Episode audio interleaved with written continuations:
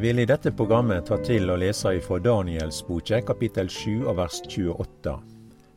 Her ender dette ordet. Jeg, Daniel, vart storlig forferd over tankene mine, og andletet mitt skifta farge. Men jeg gøymde alt dette i hjertet.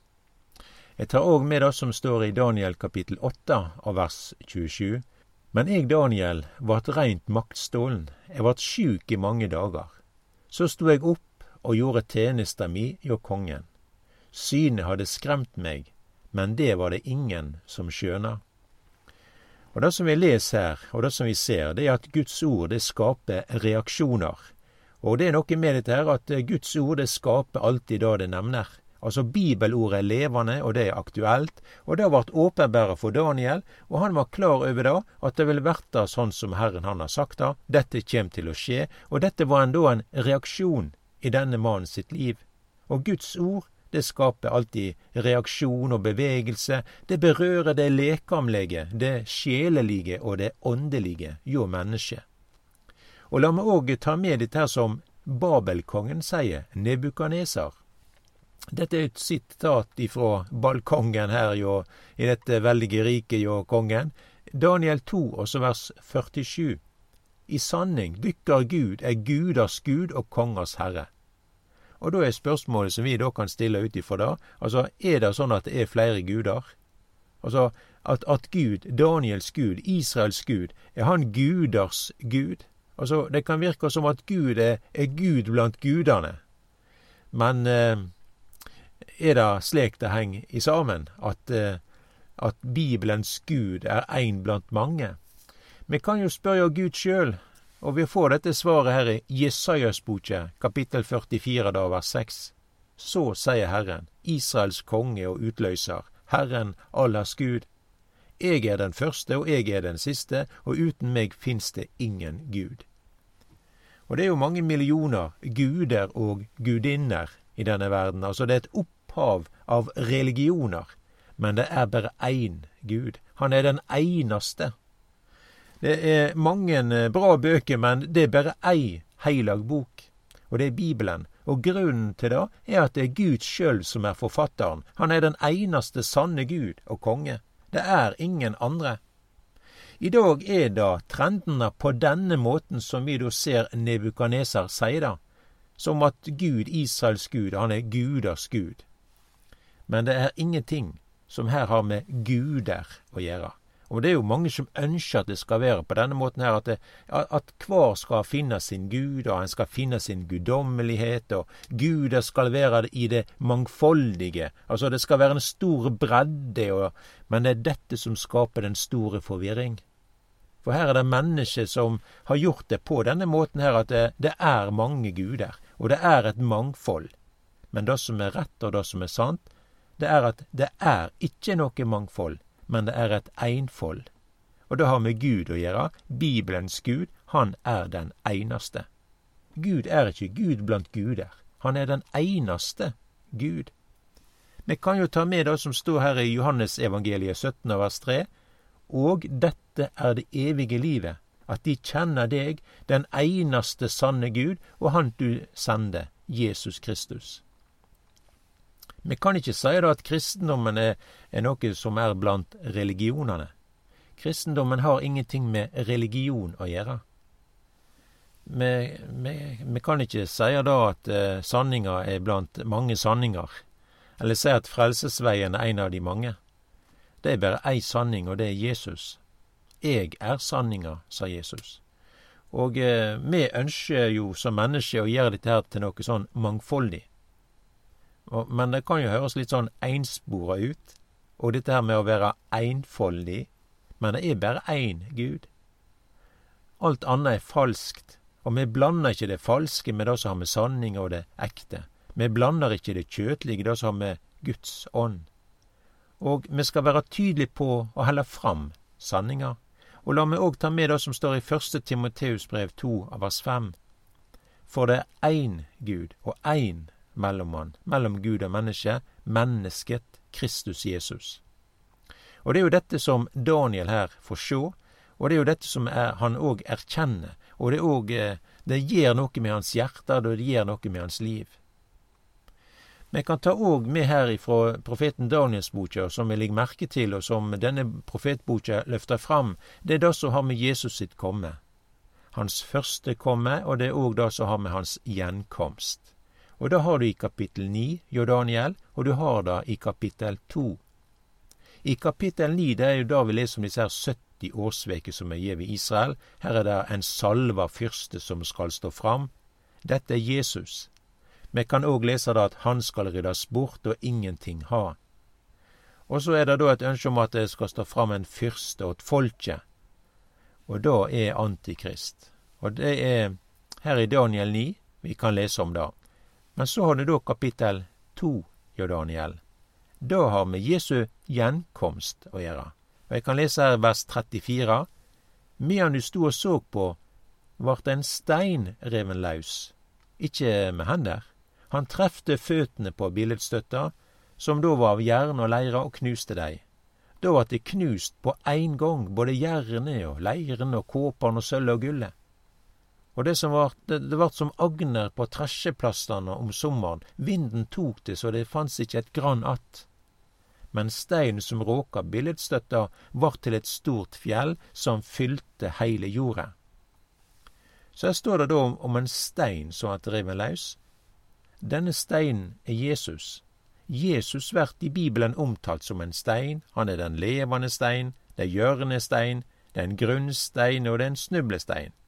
Vi kan òg lese om eh, ja, om toppstein. Vi har jo òg denne fortellinga om Daniel og Goliat.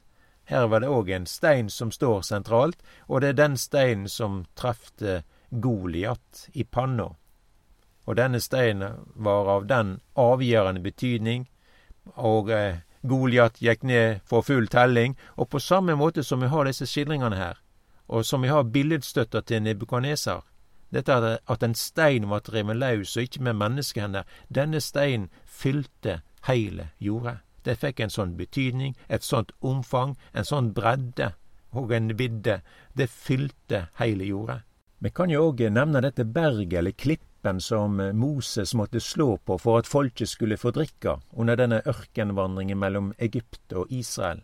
Og i Korinterbrevet leser vi jo om da at dette berget, det var Kristus, eller klippen. Og det er flere plasser i Guds ord dette med, som er brukt sånn. Dette med stein, berget, den levende stein, osv. Og, og denne steinen som var dreven løs her, da ifra Daniel kapittel 2, den fylte heile jorda. Her var det en bredde, og her var det en, sant? og en vidde som fikk betydning over hele jorda. Vi kan ta med det som står her i Daniel kapittel 2 vers 44. Og Da står det sånn at når disse kongene har sin tid, da vil himmelens Gud reise opp et rike som aldri i eva skal gå til grunne. Dette riket skal ikke verta gjeve over til noe annet folk. Det skal knuse og gjøre ende på alle de andre rike, men sjølv skal det stå til evig tid. Og, det, og her er det ting som, som står fast. Og, og om andre eh, riker forgår og ikke er mer, så er det ikke slik med Guds rike. Babylonerne er borte. Det romerske imperium, det er ikke mer. Og persere og grekere og ulike allianser i verden gjennom tidene og generasjonene, de har gjort den samme erfaring alltid sammen. Det er bare ei stund, og så forsvinner det. Men òg eh, i dag så er det Skal vi få lov til å gjøre sånn som de gjorde her, og vi leser om i Daniels boke, det å påkalle eh, Daniels Gud. Israels Gud har ikke endra seg. Han er ikke langt borte eller blitt gammel og tungert, eller kanskje skulle tro at han ikke er heilt med lenger. Han er den samme. Og det er jo gjort mange tiltak på å få bort det som har med Jesus, det som har med kristendommen å gjøre, bort med Bibelen, bort med jødene, bort med Israel og Jerusalem. Men han har ikke lukkast med det. Det har vært mange forsøk. Israel lever, Jerusalem lever, og det jødiske folket, det lever. Og da er et vitnesbyrd om at det som har med Gud å gjøre, det er en realitet. Han fører sin sak fram til seier. Det blir alltid sånn som Herren han har sagt det, og den som tror på dette ordet, han skal aldri bli gjort til skamme. Det var jo mange som tenkte på denne måten her at når Jesus var på korset, korsfesta, når han døde, ja, da var det jubel hjå fienden. Men det som så ut som nederlag og tap, det var den største seier. Korset er tomt, og graven er tom. Jesus er livets høvding. Han er eh, ja, hans oppstandelseskraft, den er stor, og den er virkningsfull, og på Oljeberget så blir det jo sagt disse ordene her, og jeg siterer her fra apostelgjerningen 1 av vers 11. Det er menn fra Galilea. Kvifor står det her og ser opp mot himmelen? Denne Jesus som er teken opp fra dykk til himmelen, skal komme att på samme måte som det så han fare opp til himmelen. Og det er viktig å minne om, streka under denne sanning, Jesus skal komme att. Og på samme måte som du har Jesus sitt første komme, dette med Betlehem og stallen, sånn vil det òg være når Jesus kjem til Oljeberget. Det er konkret, alle de profetier som er sagt. Da kjem Jesus som kongen. Jesus kommer ikke som barn eller som en hyrde på den måten at han skal gi sitt liv for, for, eh, for folket. Han kommer ikke for synda si skuld, men han kommer som kongen. Han er Davids sønn. Og Vi kan jo ta med det som Jesus eh, ja, vært sagt om han da, til Maria, Lukasevangeliet kapittel 1 der vers 32. Han skal være stor og kalles sønn åt den høgste. Gud Herren skal gi han tron åt David, far hans, og han skal være konge over Jakobs hus til evig tid. Og det skal ikke være ende på kongedømmet hans. Og det er jo mange som prøver å hindre dette her, da, at det skal skje. Det er mange politiske vedtak som prøver å stoppe denne gjenkomsten. Du har jo politikken i Midtøsten, for eksempel. En ønsker å lage en tostatsløsning i Israel, og eh, at araberne skal ha Oljeberget. Og dette er konkrete tiltak for å hindre Jesus sitt komme.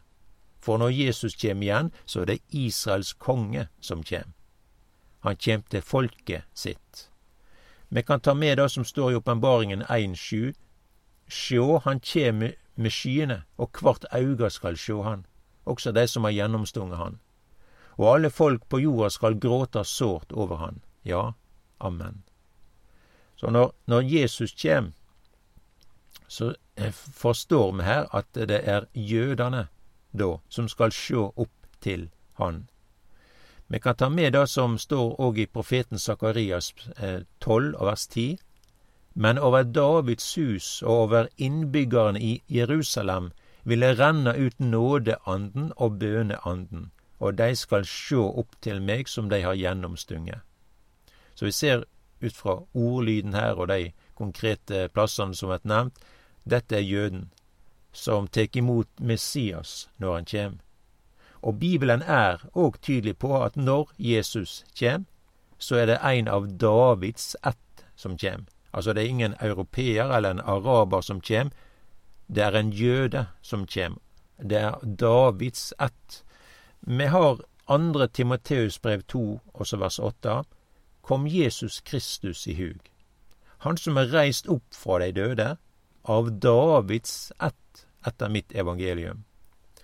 Så dette kommer her, denne begivenheten her, den vil få følge for hele verden. Det har vært på samme måte som vi leste her om denne billedstøtta her, og denne steinen som nå trefte billedstøtta. Den steinen, den fylte hele jorda. Vi kan ta med det som står her i profeten Sakarias 14 og vers 9. Da skal Herren verta konge over heile jorda. På den dagen skal Herren være ein, og navnet hans ett. Så jeg tar med òg ifra profeten Habakuk, kapittel 2 av vers 14. For jorda skal fylles med kunnskap om Herrens herligdom, liksom vatnet dekker havbunnen. Og Bibelen forteller, og dette her som står her i profetordet, det, det, det er sant, det er truverdig. I dag kan det gjerne virke vanskelig og komplisert å, å tru noe sånt, men vi, vi, kjenner jo en som kan det, og som veit om og veit å realisere de planer og tanker. Det er umulig i våre øyne, men ikke for Gud. Det vil alltid verta sånn som Gud har sagt det. Gud er alltid konkret. Og her er det bare til å ta de mange døme på alle de profetier som vart sagt ved Jesus sitt første komme. Det vart oppfylt alt sammen, heilt konkret. Og Bibelen er boka som er å rekne med. Her blir han aldri skuffa, og det er viktig at vi gjør oss kjent med det, dette profetordet. Gud har en plan. Så ser vi òg det som har med bortrykkelsen av Guds menighet. Dette at alle kristne skal rykkast bort, løftast vekk i en augneblink. Jeg tror at denne begivenheten er noe som kan skje hver tid som helst. Jesus kjem snart igjen.